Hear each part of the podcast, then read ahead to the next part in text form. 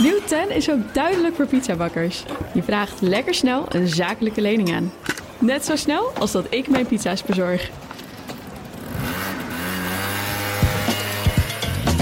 Duidelijk voor ondernemers. Nieuw 10. Je doelen dichterbij. Een initiatief van ABN AMRO. Een goedemorgen van het FD. Ik ben Pauline Zuster en het is vrijdag 7 april.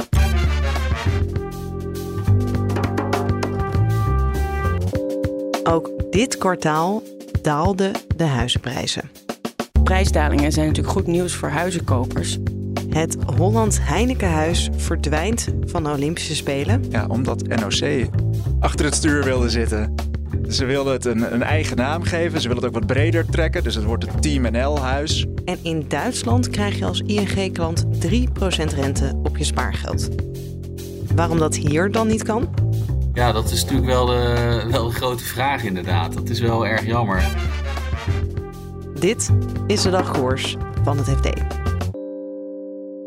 De tijd van explosieve prijsstijgingen en overbieden is voorbij. Ook dit kwartaal zijn de huizenprijzen gedaald. Gemiddeld betaal je nu zo'n 8% minder voor een woning dan een jaar geleden. Je hoort woningmarktredacteur Nelleke Trappenburg. Dat is natuurlijk al een, een poosje aan de gang nu. Sinds mei zijn de prijzen eigenlijk aan het, aan het dalen. Ja, dat is uh, de hypotheekrente ging toen uh, in, in rap tempo omhoog. Ja, dat, dat zorgde toch voor onzekerheid op de markt. Het begon toen met dat verkopers dachten waar gaat dit heen? En die gingen snel hun huis uh, in de verkoop zetten. Toen steeg het aanbod. En ja, er kwamen op een gegeven moment ook minder kijkers bij bezichtigingen. En ja, uiteindelijk begonnen dus de, de prijzen te dalen. Ja, en je zegt toen kwam er nog meer aanbod, maar dat is inmiddels ook gestokt. Ja, afgelopen kwartaal, toen uh, zijn er toch minder woningen te koop gezet. Dat vond de NVM dus ook wel zorgelijk. Maar ja, dat lijkt erop dat, dat verkopers dan ook uh, wat huiveriger worden. Dit gaat dan over bestaande uh, woningen. Daar zien we prijsdalingen. Hoe zit dat bij de nieuwbouwwoningen? Nou, daar zagen we nu in het eerste kwartaal ook voor het eerst in jaren een prijsdaling op jaarbasis. De nieuwbouwwoningen uh, waren 2,9% gedaald ten opzichte van een jaar eerder. Alleen ja, lag dat volgens de NVM niet zozeer omdat die woningen dan per woning uh, in prijs zijn gedaald, maar omdat er gewoon relatief meer goedkopere woningen zijn uh, verkocht. Ja, dus de duurdere nieuwbouwwoningen die krijgen ze eigenlijk niet verkocht. Ja, dat, dat is al een tijdje bekend dat die worden echt uh, moeilijker verkocht. En dat heeft natuurlijk weer ook weer te maken met die gestegen hypotheekrente. Ja, dat mensen daar gewoon geen financiering voor krijgen. Dus vooral dat echt dat hogere segment woningen boven de 5 ton worden moeilijk verkocht. En hoe moeten we dat dan doorvertalen naar de bouw van nieuwbouwwoningen? Want als je ze al de bestaande niet verkocht krijgt, kan ik me voorstellen dat je ook niet er heel erg op zit te springen om weer nieuwe erbij te bouwen. Ja, dat is wel zorgwekkend. Zeker gezien de ambities van het kabinet om uh, ja, naar 100.000 nieuwe woningen per jaar te gaan. Je zag nu in het eerste kwartaal ook weer dat er weer minder nieuwbouwwoningen in de markt waren gezet. En ook nog eens dat woningen die al in de verkoop stonden, ook weer uit de verkoop werden gehaald. Dus ja, dat is geen. Uh, uh, hoe zeg je dat? Uh, dat biedt weinig hoop voor, voor de nieuwbouw. Nou, laten we dan proberen om wel met wat hoop af te sluiten voor de mensen die een woning willen kopen. Hoe ziet het er voor hen uit? Is dit goed nieuws? Nou, prijsdalingen zijn natuurlijk goed nieuws voor huizenkopers. Alleen voor hen, de, de hypotheekrente is natuurlijk ook gestegen. Dus ja, dan, dat zal dan per uh, huizenkoper en per huis wat ze willen kopen en hoeveel ze precies moeten lenen afhangen. Of, of, of ze ook echt, uh, ja, of dat sommetje al gunstig voor ze uitpakt, of dat het ze nog steeds er niet tussen komen. De aankomende Olympische Spelen zal er geen Holland Heinekenhuis meer zijn. Retailredacteur Jan Braaksma neemt je mee naar feestelijkere tijden. De locatie waar alle Nederlanders eigenlijk samenkwamen op de Olympische Spelen. Dus het is ooit begonnen in 92 als een ontmoetingsplek voor de sporters en hun familie en, en wat media en dat soort dingen. Maar ja, het is een soort uh, ja, carnaval meets Koningsdag meets de Olympische Spelen geworden. Uh, de, de medaillewinnaars worden er gehuldigd. De koning komt er af en toe een biertje drinken. Met Poetin. Met Poetin, onder andere. de, de, andere hoogwaardigheidsbekleders zijn er. Bekende artiesten treden op. Nee, het is, het is een, heel, ja, een heel populair en vast ingrediënt van, van de Olympische Spelen geworden. En wat deed Heineken daarvoor om die naam te mogen dragen daar? Nou, eigenlijk heel veel. Ze, ze, zochten de locatie, ze regelden het personeel. Nou, het bier natuurlijk ook. Dat soort dingen. Dus eigenlijk ja, was het een, een Heineken-evenement bijna. Uh, waar de, de, het NOC-NSF, dus de Nederlandse sportkoepel, ja, op de bijrijdersstoel zat. Een beetje oneerbiedig uh, gezegd. En waarom moest Heineken weg? Ja, omdat NOC achter het stuur wilde zitten. Ze wilden het een, een eigen naam geven. Ze wilden het ook wat breder trekken. Dus het wordt het Team NL-huis de partners van, van uh, de sportkoepel, die gaan er een rol in spelen. Dus die, die ondersteunen het financieel. Maar je kan natuurlijk ook net wat anders doen als jij zelf de volledige zeggenschap hebt. Dus er komt een expositieruimte bijvoorbeeld en een restaurant komt er nu in.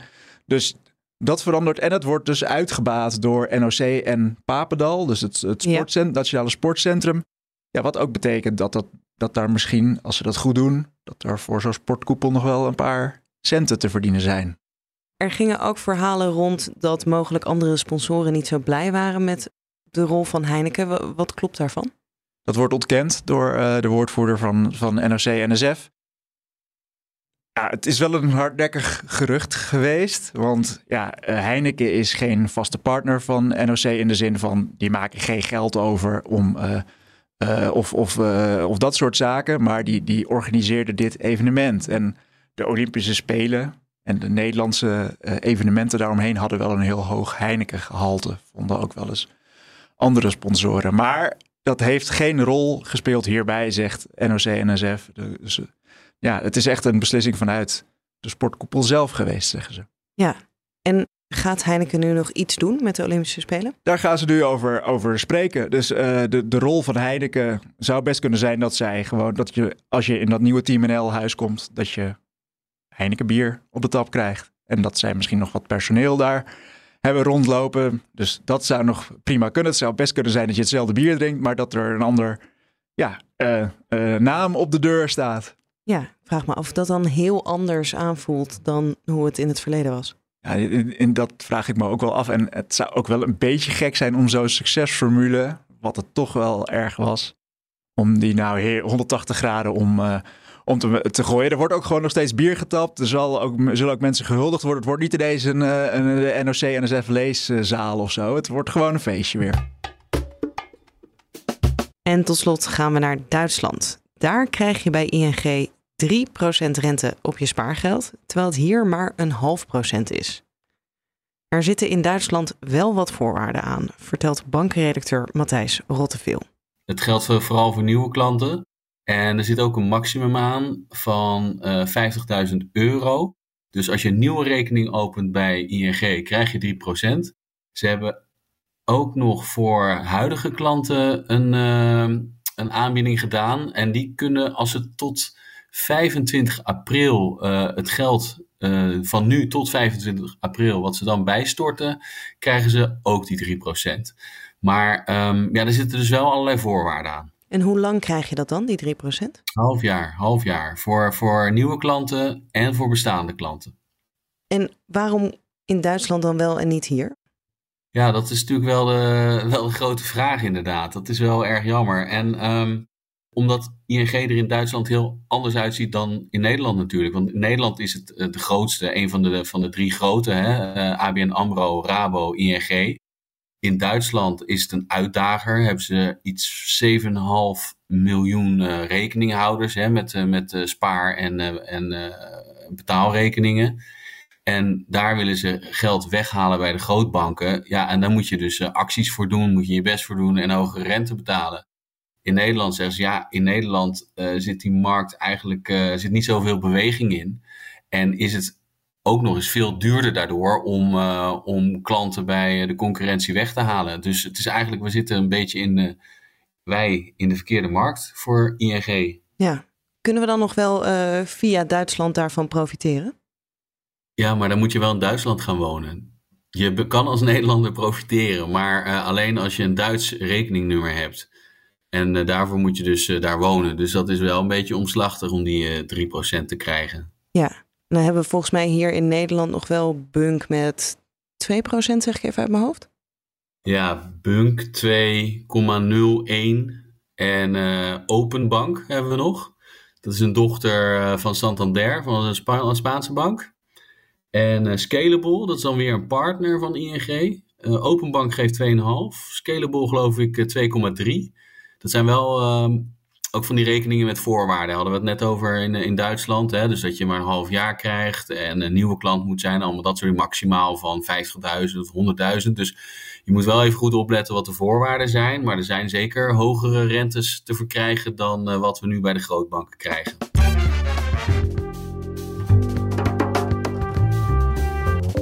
Dit was de dagkoers van het FD. En maandag is het Pasen, dus dinsdagochtend is er weer een nieuwe dagkoers.